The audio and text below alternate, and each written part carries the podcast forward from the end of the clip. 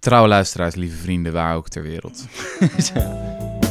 Mocht je je bevinden op de Noordpool, in, het, uh, in de jungle, op de savanne of de tundra, of lig je naakt uh, in bad, zoals een In luisteraar in bed.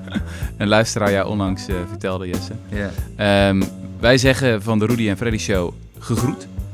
Van harte welkom bij onze show. Wat overigens, leuk feitje, een productie is van De Correspondent. Het online journalistieke platform tegen de waan van de dag. Wat gaan we doen, uh, Jesse? We gaan het hebben, we gaan een soort ode brengen, heb ik gehoord Uh-huh. vanochtend. Uh, en dat gaan we brengen aan Nederland. Een ode aan Nederland. Oh, een ode aan Nederland. We Ja. dachten, we gaan eens wat uh, vrolijks doen. Ja. Dus we keken naar buiten, we zagen de zon schijnen. Misschien wel iets te hard. Klimaatverandering, dat is Mhm. ook wel weer een downer. Mhm. Maar aan de andere kant, er gebeuren ook gewoon heel veel mooie dingen in dit land. Zo en eh, wij kijken veel op Twitter. En daarin krijgen we toch een beetje een, eh, nou ja, daar worden we een beetje ongelukkig van. Dus eh, we zetten nu bij deze gewoon Twitter even uit. En eh, we zetten de podcast aan en we gaan het hebben over wat voor mooi land Nederland is. Lekker. Ja, lekker. Dus gewoon echt in tijden van, van onbehagen en van Trump en van Brexit en van ISIS. Even, even de nadruk leggen op, op wat, op wat mooie dingetjes. Ja, Ja. ja. Waar wil je mee Nou, beginnen? waar, waar, waar, ik- waar ik bijvoorbeeld wil, wilde beginnen, gewoon eh, een paar weekenden geleden, misschien wel afgelopen weekend, is de Noord-Zuidlijn geopend. Ja, Ja, dat is vet, hè? ja dat, is, dat is wel heel fijn, want ik woon in, eh, in Noord Mhm. en eh, in Amsterdam-Noord. Dit wordt wel heel randstedelijk eh, incest misschien. Mhm. Maar waar, waar we misschien niet echt helemaal bij stilstaan, is dat we vroeger, echt heel vroeger, Mhm. toen, toen, toen was het openbaar vervoer bestond dus gewoon uit paarden. Mhm. Toen, eh, toen, waren we dus eigenlijk gewoon bang dat de steden helemaal vol zouden lopen met paardenstront. En als je dan met dit weer zou zitten, dat alle paardenstront zo op, opdroogde, Oh, dat het ja. dan in vlokken zeg maar in je gezicht kwam. Aha. En dat er dan af en toe ook gewoon een paard dood neerviel op de weg. En dat die dan weggesleept moet worden aan een dood paard trekken. Hè? Dat komt daar vandaan. Serieus? Ja. En nou ja, daar zijn we dus vanaf. Dus dat is, dat is een stuk beter al. Je hebt toch nog een keer zo'n congres gehad eh, van stedenplanners die zeiden van de toekomst van de stad is gewoon gedoemd omdat uiteindelijk gewoon er vijf meter paardenstront... Ja, ja, ja, ja. Dat ze dachten volgens mij een soort extrapolatie tot 1950 hadden gemaakt van... eh, van de hele steden die gaan eh, straks het grootste probleem wordt de, de paardenstront om Ja. daarmee om te gaan. Maar ze hadden niet gerekend op de Noord-Zuidlijn. Ze hadden niet gerekend op de Noord. Ik vind ook een ander mooi voorbeeld trouwens. Ehm, er is op Twitter een ehm, eh, professor, die noemt zichzelf de fietsprofessor. Hmm. En die deelde deze week beelden van hoe Utrecht is veranderd. Nou, ik, ben, ik woon in Utrecht, ik ben er komen wonen, wat is het, tien jaar geleden. Mhm. En nou ja, voor degenen die zich dat nog kunnen herinneren, dat was toen gewoon ja, een soort van halve snelweg die vlakbij het station eh, er was. Mhm. Waar vroeger eh, ja, de, de gracht gewoon was, of het, de Ja. single. En hij liet gewoon foto's zien van hoe dat volkomen is getransformeerd in een hele korte tijd. En überhaupt dat hele project van de verbouwing van Utrecht Centraal. Ik zit daar dus echt met verbazing naar te kijken. mooi. Ik bedoel, hoor. het is zo makkelijk om te zeuren op overheidsprojecten die mislukken. En vadertje staat, probeert weer eens wat. Nou, het mislukte en het is te duur en het werkt niet. Ga naar Utrecht Centraal. Gewoon vergaap je aan hoe ze dat doen, hoe ze dat plannen. Echt, de mensen die daarachter zitten zijn echt fantastisch. Het enige, het enige wat misging aan het hele project, dat weet je. Ze hadden op een gegeven moment dat slogan van See you 2030. Ja. Dus iedereen dacht van, dit is pas in 2030 af. Ik vond dat trouwens wel slimme communicatie. Dus van, ja, Ja. jongens, het gaat nog fucking lang duren. Ja, Eh. Niet zeuren. Maar dat bleek dus eigenlijk te zijn CU2 030.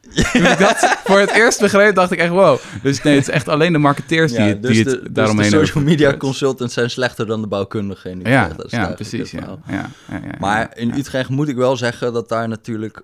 Jullie hebben het wel één keer gewoon goed verneukt met dat Hoog Katerijnen. Mhm. En dan kan je, nu wel, kan je nu wel een beetje terugdraaien, maar dat kan je maar één keer goed verneuken. Dat is Ja, wel zo. dat is zo. blijft gewoon sommige dingen Dat- gewoon dat wel is heel lelijk. Een beetje Ook al hebben jullie een hele mooie fietsgarage. Ja, ja, ja. Dat is een goed punt. Ander dingetje dan, waar ik ook nog over na zat te denken. We zaten gisteren toevallig op eh, Radio 1. Ja. We waren uitgenodigd om te vertellen over de Rudy en Freddy Show. Om ook het, eh, ja, het oudere luisterspubliek eh, te lokken naar deze podcast voor jonge honden. En ehm, toen was daar ook niemand minder dan eh Arend-Jan Boekenstein. Ja. Natuurlijk een eminent denker. en eh, nee, daar moet niet flauw over doen. En Eh, die zei op een gegeven moment van... we moeten dat populisme en zo, dat, dat, dat onbehagen... Van de afgelopen 15 jaar moeten we natuurlijk wel, moeten we wel serieus nemen. De legitieme grieven die eronder Mhm. zitten. En ik wou toen heel graag iets zeggen, maar ja, zoals dat vaker gaat op de radio, kom je uiteindelijk niet meer aan bod. En ik wou namelijk een statistiekje noemen dat een tijdje geleden voorbij kwam. Ehm, van het Sociaal Cultureel Planbureau. Dat is, ik, ik heb er uiteindelijk nooit een column over geschreven. Ik wil het altijd nog eens gaan doen. Want volgens mij zijn er heel veel opiniemakers die daar gewoon niks mee, mee kunnen. Het lijkt niet te kloppen. Mhm. Wat blijkt, in 1994 vond 94% van de Nederlanders dat hier, citaat, te veel mensen van een andere nationaliteit waren. 94, eh, of sorry, 49%, ik draai het even op. Zo. In 1994 vond 49% van de Nederlanders dat hier te veel mensen van een andere nationaliteit waren. Nu is dat 31%. Ja. Alles het Sociaal Cultureel Planbureau. Ja. Dat is toch echt totaal fascinerend. Gewoon na, na 15, 20 jaar debat, dus debat over mislukte integratie, burgeroorlog in de straten, totaal gefaalde multiculturele samenleving, is er zo'n diepe trend van, die opgemerkt het SCP, van een gigantische stille meerderheid die nou eigenlijk wel gewoon wat toleranter lijkt te zijn geworden. ja, dat is mooi toch? Ja, Ja, ook dat is Nederland. dat is gewoon aan de gang. Maar Ja. het is gewoon, ja, wat, wat moet je daarover Ja, zeggen? wat, er- wat, er- wat er denk ik het meest is veranderd, is gewoon dat eh elite-opinie gewoon wat veel meer. ehm, ja, kijk, vroeger was het natuurlijk dat die 49% dat daar überhaupt niks was in de politiek wat dat vertaalde of zo. En Mhm. nu is het gewoon, eh, ik denk, bovenmatig veel partijen die dit vertalen, toch? Ja. Meer dan 31% misschien wel. Maar ook de hele tijd het idee van dat de gewone man dat vindt. Ja, Ja, daar is een mooie quote over. eh, wat zei ik ook alweer? De gemiddelde. De, de gewone man is niet de gemiddelde man. Oh ja, dat, oh, dat, is zo. Ik bedoel, het is gewoon de meerderheid van de Nederlanders vindt het gewoon wel prima. Als je gewoon naar de, de data kijkt. Ja. Hij heeft niet super grote problemen. Vindt dat de multiculturele samenleving eigenlijk best wel oké functioneert. Sure, zijn problemen, bla bla bla. Maar dat is ook uit al die data van het CBS. Dat gewoon, de meeste maatstaven gaat de integratie gewoon best ja, wel maar prima. gewoon sowieso, sowieso net, eigenlijk is het zoals je verwacht. Hè, dat ze wat ze altijd zeggen, het cliché van eh, dat je in Amerika, dat vroeger de Italianen en de Ieren nog zeg maar gelyncht werden in, Ja. eh, in, in, eh, in New York. Ja, Echt letterlijk gelyncht. Ja, en letterlijk. Ja. En dat heel, heel racistisch daarover werd gesproken. En dat is, dat is gewoon over na twee, drie generaties. En nou ja, het is niet bij ons totaal over al het racisme en zo. En daar ook Absoluut niet. Maar je niet, ziet nee. wel je ziet wel bijvoorbeeld ook, ook gewoon dat, dat de tweede generatie Marokkanen echt veel meer seculier zijn. Mhm. Al dan, eh, dan hun ouders. Dus ik zat, eh, ik zat daar ook nog even wat statistiekjes over te kijken van Kom erop. als je kijkt, de autochtonen, daar bezoekt 59% eh, o- ehm, bezoekt nooit een godsdienstige bijeenkomst. Van Mhm. Marokkaanse, tweede generatie Marokkanen is dat 50%. Hm. Eh, en ze identificeren zich wel vaak als moslim, maar niet echt beleidend bijvoorbeeld. Oh ja. Dus dat is ook al, eh, zeg maar, en, en dat is een best wel een verschil met de generatie daarvoor al.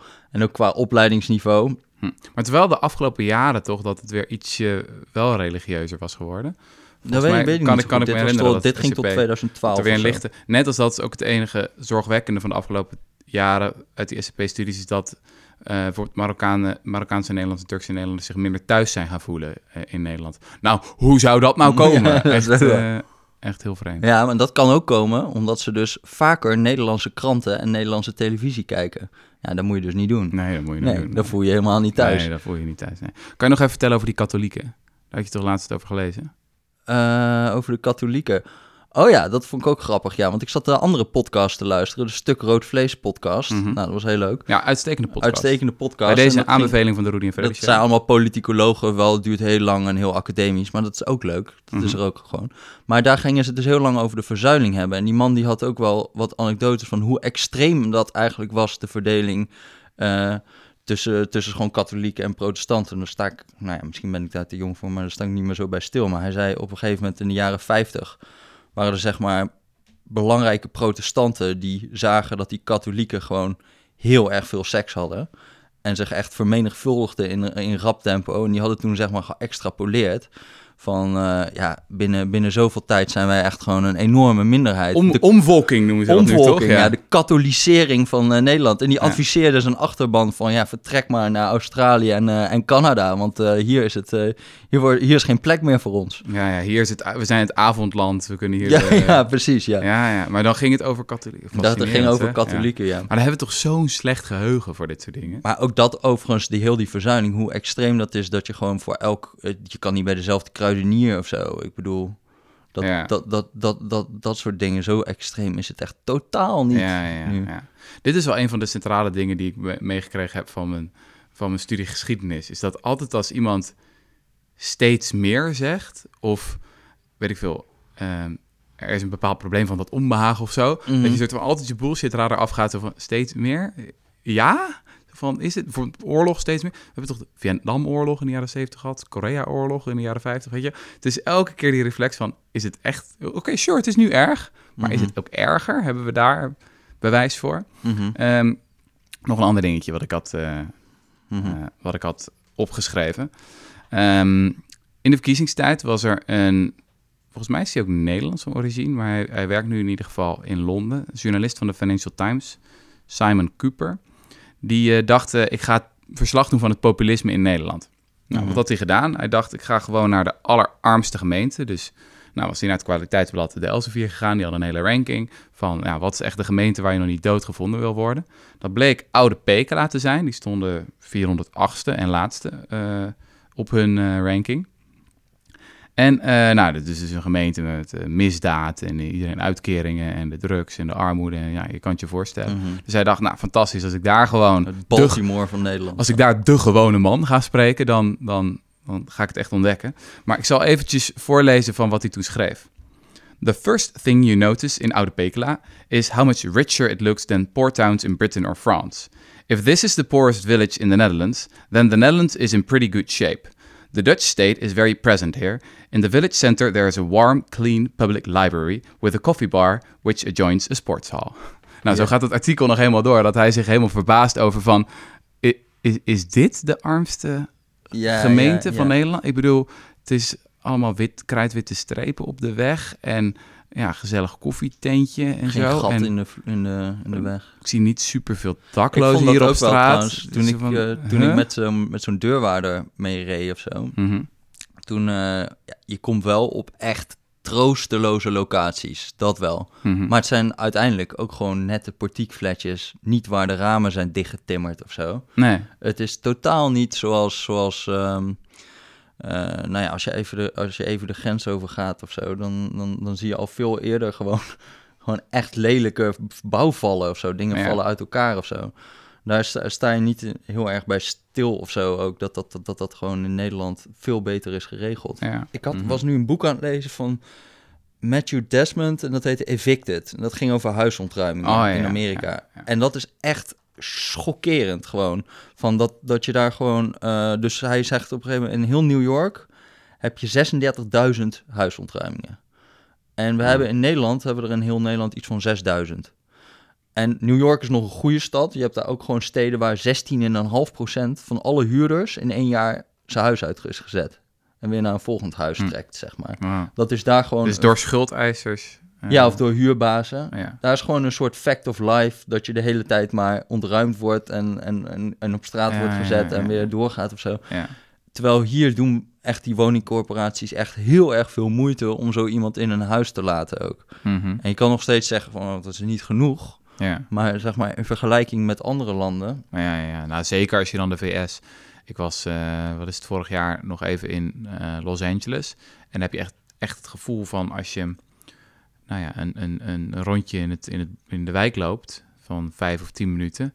Ja, dan zie je meer daklozen dan dat je op, Mhm. een, op een wekenlange tour in Nederland tegen Mhm. zou komen. Echt vele tientallen, of op sommige plekken zelfs honderden. Terwijl ze Dat daar hun dakloze eh, probleem ook nog eens oplossen door ze allemaal de gevangenis in te flikkeren. Ja, Ook nog leuk, dat is ook in Nederland, dat de gevangenissen gewoon leeg komen te staan. Hè? Ja, hè? Langzaamaan. we Dat moeten ze toch mooi. verhuren aan de... ze, ze maken daar nu gewoon verzorgingstehuizen van. Ja, Ik ja, weet ook niet wat dat zegt over onze ouderenzorg, maar, Ja, maar eh, gewoon, eh, eh, dat zat ik ook nog te kijken, wat criminaliteitsstatistiek. ja kom erop. Oh, dan wacht even, heb ik hem nog openstaan? Dat zou leuk zijn.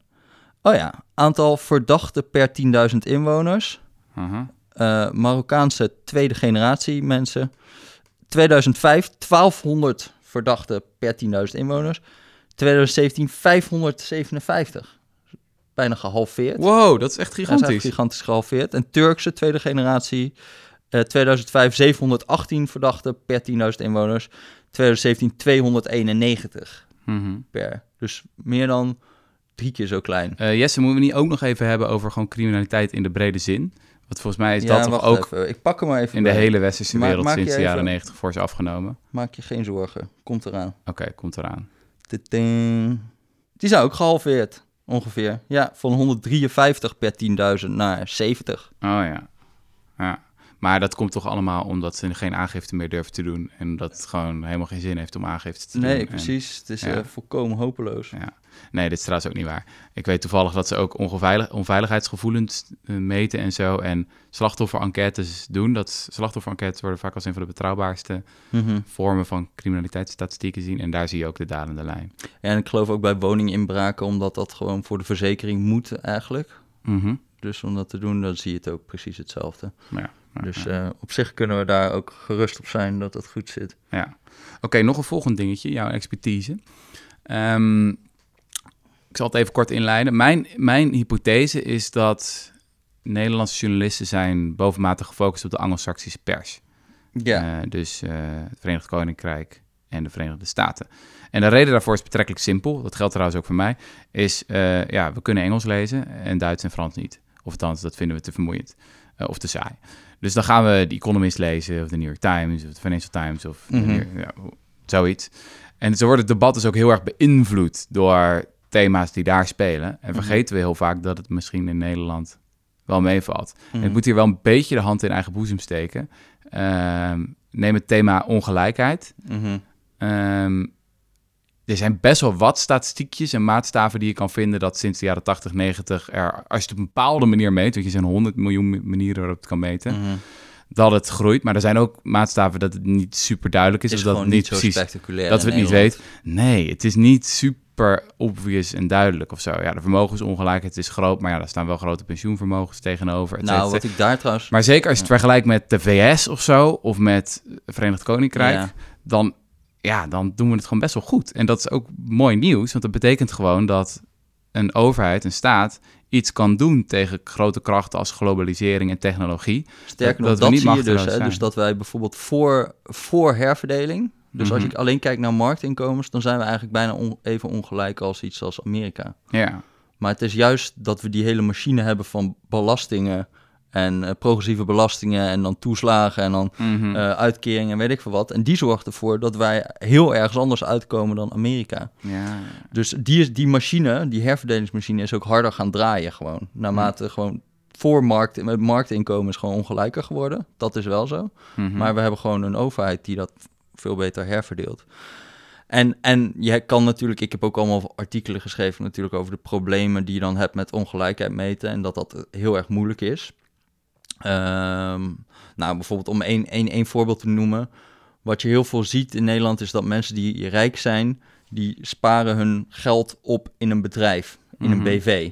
Mhm. Maar de- alle inkomensstatistiek, die kijkt gewoon naar wat jij aan persoonlijk inkomen hebt. Wat op jouw privébankrekening Ja. binnenkomt. Niet wat er op jouw bedrijfsrekening binnenkomt.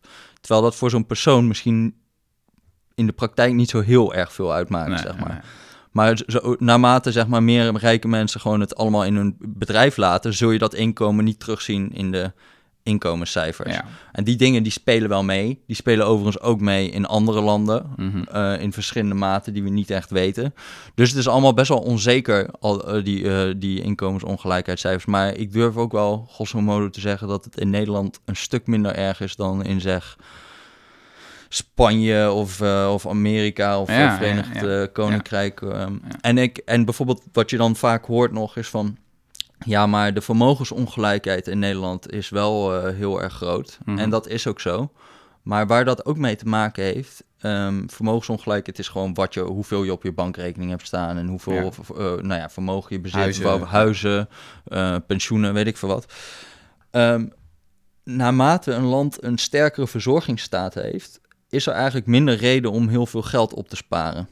Dus voor een Amerikaan is het eigenlijk gewoon belangrijker dat hij heel veel geld heeft opgebouwd. En dat hij zelf eh, eh, een buffer heeft. Ja, voor een middenklasse Amerikaan die zal over de lagere middenklasse ook meer sparen. Ja, Terwijl wij niet hoeven te sparen.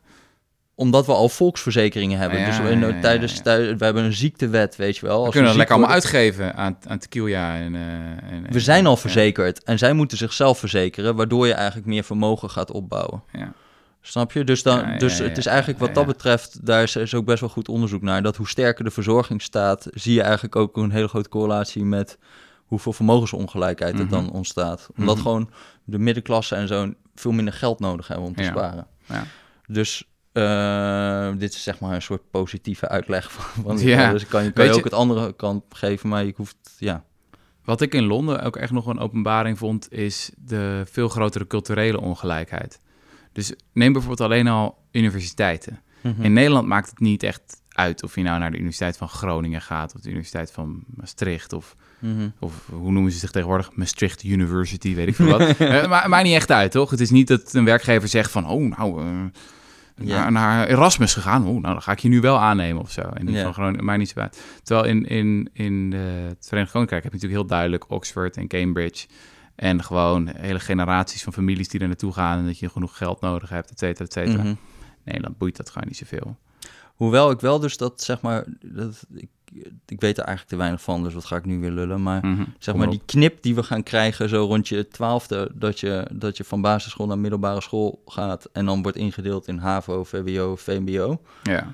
Dat is wel eh, fascinerend, vind ik, dat ik eigenlijk gewoon allemaal mensen op de basisschool, eh, zeg maar, wat we lager opgeleide noemen, dat je die gewoon nooit meer tegenkomt. Ja, ja. Dus dat je echt een soort, daar, wat dat betreft wel een soort ja, bubbel is. waar. Behalve, behalve in, zeg maar, toen ik bij de, als vakkenvuller bij de Albert Heijn werkte of zo. Maar nu zitten we ook weer in een totale bubbel. Ja. Nee, tuurlijk. Dat- dus die bubbels die bestaan wel echt. Voor qua opleiding ook. Duidelijk ook in doordat Nederland. die knip gewoon best wel hard is al op Ja. de twaalfde. Ja, ja dat, is, dat is absoluut waar. Weet je wel, Amsterdam, Utrecht. Ehm, maar ik heb soms ook het idee dat het in Nederland nog te veel overdrijven. Weet je, als ik op een familiefeest kom, nou, dan kom ik best wel wat eh, diverse types tegen. Mhm. Hartstikke gezellig en hartstikke leuk.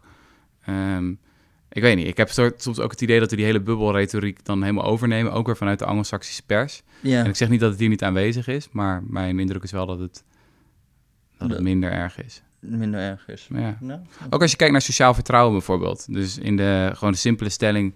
ehm, de meeste mensen zijn over het algemeen te vertrouwen, zo, zoiets. Dat, Mhm. dat vragen ze al wereldwijd sinds de jaren 50 of 60. Nou, de VS zie je duidelijk dalende lijn daarin. Weet ik veel, Mhm. was 50%, nu 30%. Verenigd Koninkrijk was 60% in de jaren 50, nu 30%. In Nederland is altijd hetzelfde. Schommelt een beetje tussen de 60 en de 70%. mhm. De meeste Nederlanders vinden de meeste Nederlanders best wel te vertrouwen. Ja. Ja, ja, dat is gewoon echt wel iets waar je bijna niet bij... Omdat je erin zwemt, zeg maar. ja dan, zie je het, dan zie je het niet meer. Maar je moet je ook even voorstellen hoeveel dat kost als je elkaar niet vertrouwt. Als je, jij hebt wel eens gezegd van eh, geen land waar ik zeg maar zulke dikke contracten moest tekenen als in Amerika. Ja, ja, ja. Want daar Ja. geloven ze gewoon elkaar niet. Ja, dus de hele moet tijd, alles ja. dichtgetimmerd gaan worden met juridische constructies en zo. En eh, alles is adversarial, alles is vijandig eigenlijk, zakelijk. Terwijl hier hebben we veel meer eh, toch wel gewoon iets van, ja, dat doe je gewoon niet. Ja. Sommige dingen. Ik had laatst Elkaar ik oplichten of zo is toch wel echt... Ik denk heel vaak ook bij, bij, bij, dan schrijf ik een verhaal en dan denk ik, oh, maar je kan eigenlijk best wel makkelijk iemand een poot uitdraaien. Maar hoe vaak dat dan daadwerkelijk gebeurt, valt me altijd nog enorm mee. En, en ik kan me zo voorstellen, en dat weet ik niet zeker, maar als dat in Amerika zo open was gelaten, de regels, dat er veel vaker een poot uit werd gedraaid door iemand. Ja, ja, ja. Bij, bij ons stikte het ook niet van de banken die allemaal DSB waren, zeg maar. Er was één DSB. Zeg maar, ter- terwijl, het, terwijl het kon gewoon wel op Van veel Gerrit. grotere schaal. Ja. nee, gewoon die truc. Nou ja, goed. Nou, was dat echt? Want Nederland zat wel in de financiële crisis, toch? Dat we hele grote bail-outs hadden en zo. Ja, nee, maar ik bedoel, wat zij, wat zij deden was gewoon een soort, een soort constructie dat ze echt bij iemand thuis hem een hypotheek gingen aansmeren met vijf koopsompolissen die hij totaal niet nodig had. En oké, dat deden ook weer, dat, dat, dat, dat, dat, maar dat konden veel meer banken doen en dat deden ze eigenlijk niet. Ja, En, en datzelfde ze- denk ik bijvoorbeeld altijd bij topsalarissen. Er is helemaal niet echt een wet in Nederland die zegt van je mag niet jezelf 80 miljoen euro geven als CEO. Mhm. Maar je moet eens proberen, zeg maar. Kijk eens wat er gebeurt als een, als een, als een, zeg maar, een man van ING zichzelf drie ton meer wil geven. Ja. Nou, dan, dan wordt, de, wordt, wordt de hele, wordt iedereen gek gewoon. Ja. Dat is gewoon een cultuur van dat doe je gewoon niet. En dat is in, dat is in Amerika, nou ja, dat is een stik van de CEO's die zichzelf tientallen miljoenen geven. ja. Misschien vinden mensen het wel erg, maar dus, nou nee, volgens mij is het ook veel minder zoiets van dat is totaal, dat is not done. Nou, of dat de ophef gewoon geen zin meer heeft. Dus dat denk ik, dat er in Nederland ook over de bubbels heen men zich wel toch wat aantrekt van de ophef aan de overkant. Mhm. Voorbeeldje, ehm, wat had de VVD nou voor ballonnetje eh, deze week? Oh ja, weekendscholen voor Syrische kinderen. Dus Mhm. Syri- eh, Syrische ouders die hier zitten en straks eh, weg moeten. Die denken van, nou, het is toch wel handig als mijn kinderen Arabisch of zo leren. Dus dan gaan ze een weekendschooltje doen. Lijkt me hartstikke logisch. Mhm. Maar daar hadden ze dan een kamervraag over gesteld, de VVD. Van eh, ja, dat is toch eh, sharia eh, weer in Nederland. Ja, en dat ja. gaat leiden tot eh, kindterroristen. En nou, dat was een beetje de strekking. Eh, en toen had onze zeer gewaardeerde collega eh, Johannes Visser... had daar een eh, toch wel vlijmscherpe column over getikt. En eh, nou, dat ging ook een beetje rond en zo. En ik denk dus wel dat als zo'n VVD-kamerlid dat leest... en er gewoon een beetje druk op wordt gebouwd... dat het wel pijn doet. Ja. Dat het niet zoiets is van who cares. Terwijl in de VS, als, laten we zeggen, een re- relatief progressieve wet- website als Vox.com een opiniestuk schrijft over, weet ik veel, die Republikeinse senator die een corrupte rotzak is. Mhm.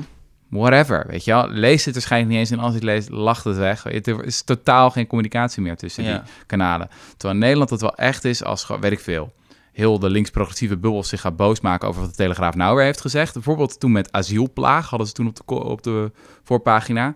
Ja, dat dringt echt wel door. Ja. Dat komt omdat we in Nederland nog in contact zijn met elkaar. En Ja. uiteindelijk wel die gesprekken voeren. Ja, en, en wat ook eh, onderdeel is van de ode aan Nederland, ik denk dat mensen nog gewoon schaamte hebben.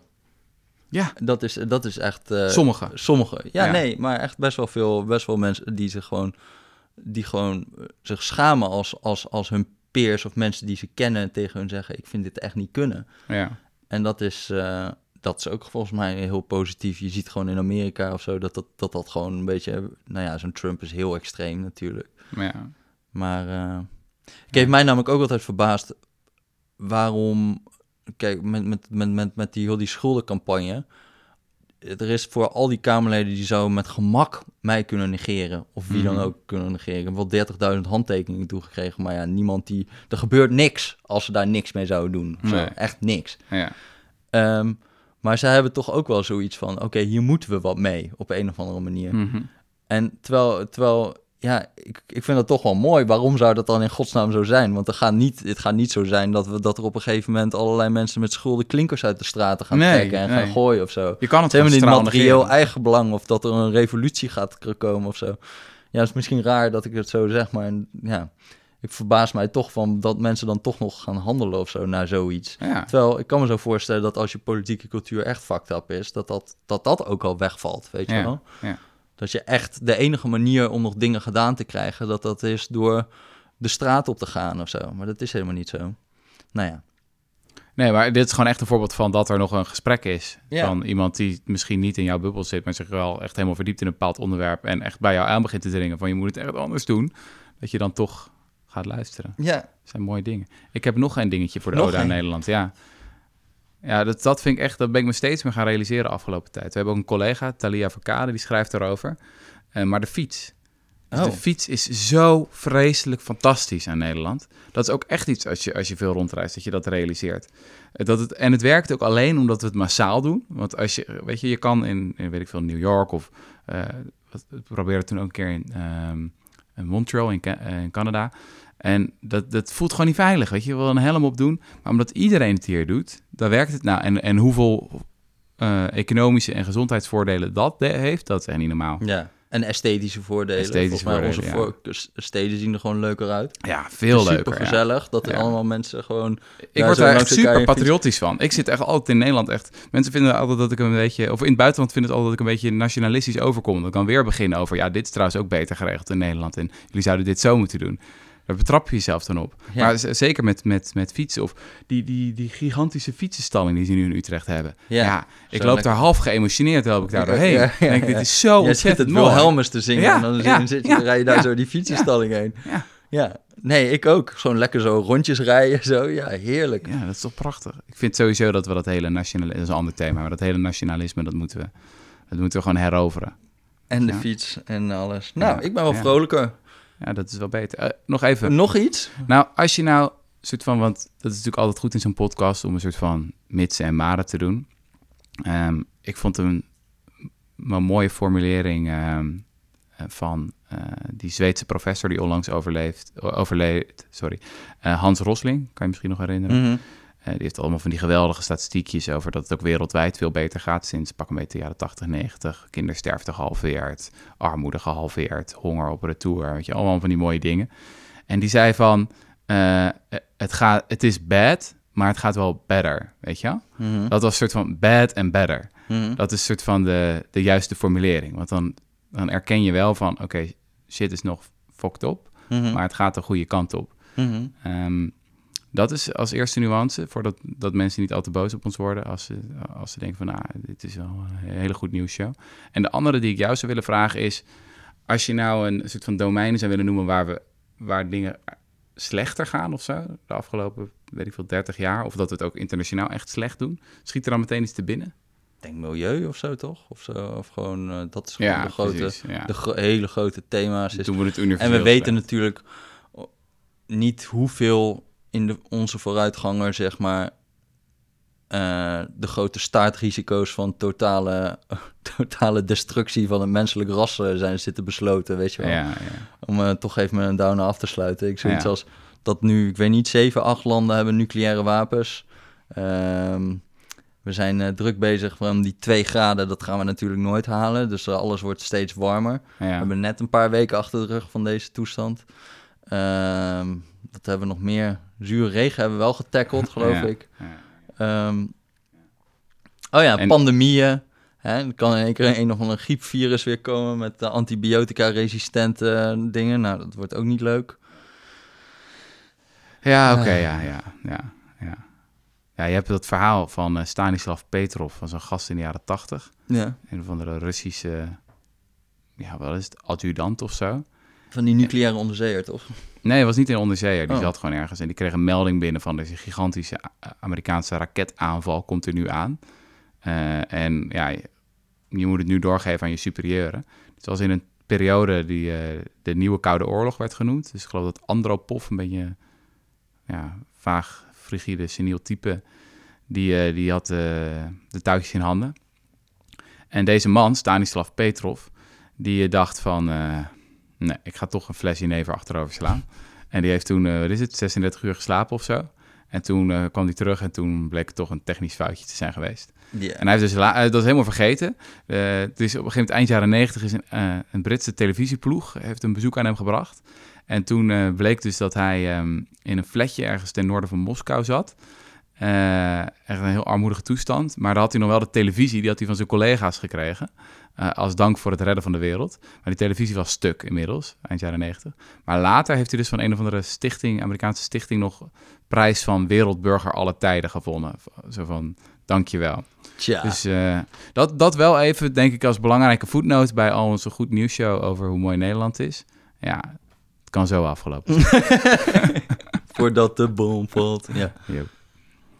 Nou, dat was hem, hè? ja, dat was hè. Ja, het was, eh, was gezellig. Moeten we nog iets promoten? Tuurlijk moeten we nog iets promoten. Ja, ja, wat zullen we Heb promoten? niet even... Nou, Oh, wat ja. we echt... Ja? Gaan we die, gaan we die award, gaan we, dat, eh, gaan we dat nog doen? Of vind je dan eigenlijk van, we gaan niet meedoen aan die idiote marketing? Een dilemmaatje, hè? Een dilemmaatje. we willen eigenlijk de naam niet noemen van dit bedrijf. Ja. We zijn genomineerd, zullen we maar zeggen, voor een podcast award. En eh, in, de, in de categorie zakelijk. Zoals jullie ons kennen. Zoals jullie ons kennen, zakelijk. En, eh, maar wij hebben eigenlijk sterk de indruk dat zo'n beetje elke podcast in Nederland is genomineerd in een categorie voor Ja. deze podcast award. Ja.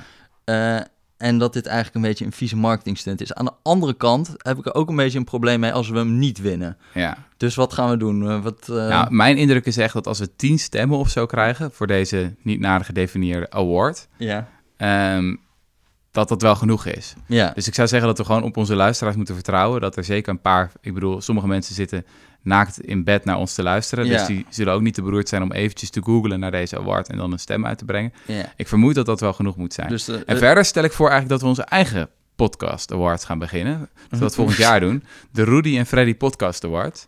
Dat wij dan mensen gaan nomineren en die kunnen dan gaan stemmen op onze, op onze Ja. website. Zit er nog eigenlijk iets aan vast of zo? Of krijgen we gewoon één consumptiebon? Of, eh, Nee, dat, dat wordt helemaal Misschien niks. moeten we wel betalen voor die award. Dat, dat heb je echt in de designwereld. Hè? Dan heb je een award gewonnen en dan krijg je een mailtje en dan zeggen ze... ja, je hebt gewonnen 2000 euro en dan kan je naar het diner en dan reiken we mij je uit. dat is echt dat is wel heel bijzonder. een hele bijzondere wereld. Ja, dit gaat niet goed ook met dit bedrijf. Dus ik kan me voorstellen dat we later nog de rekening krijgen. Maar het is dus de BNR Dutch Podcast Award. Even zoeken, even, zoeken, stemmen op ons. En dan Ja. eh, zijn wij ook weer is blij. helemaal goed. En eh, wat ook nog leuk is, ga eventjes naar eh, de website van Radio 1 en kijk even ons interviewtje terug. Dat wij met onze grote vriend Arend Jan Ja. Hoevenstein gaven. Renze Eh, Kramer. dat was ook leuk. leuk. Dat was in het radioprogramma Dit is de Dag. Ehm, dat was hem, hè? Ja, dat was hem.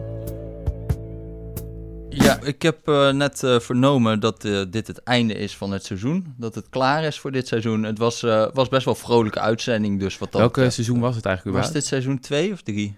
3. Dit was seizoen 3. Een heel lang seizoen. Een heel dat. Ja. lang seizoen. Ja. Ik snap die seizoen ook nooit. Nee, ik ook niet. Slaat nergens op. Maar het is nu voorbij. Maar het is nu voorbij, want iedereen gaat even op vakantie. Over vier weken zijn we dan weer terug. Dus ergens begin september begint het gewoon weer. Dus 1 september. 1 september Ja. hopen wij weer eh, te, te podcasten. Dus eh, ja, En dan hebben we helemaal tot slot nog een laatste verzoek. Wat dan? Jesse, jij wilde dat we voortaan iets zakelijker gaan zijn. Oh, iets zakelijker gaan zijn. Ja, kijk, jullie luisteren die podcast allemaal, maar ik weet helemaal niet of jullie ook geabonneerd zijn of op de correspondent. Maar dat hoeft ook helemaal niet. Ik, ik snap wel dat dat gewoon wat veel geld is misschien, maar misschien wil je dan wel een beetje iets doneren. Dat kan, dat Ja, kan. Pay what you can is deze Pay what you podcast. can, zeggen we dan gewoon. Eh decorrespondent.nl slash doneer, toch? Ja. Of niet? Daar kan dat gewoon. Dan kan je gewoon eh, wat geld schenken voor de goede zaak. En dan denk je van, dat is mooi, meer podcasts. Zo is Eh, het. Ja, dat was het. Tot de volgende keer. Dit was een productie van De Correspondent. dat weet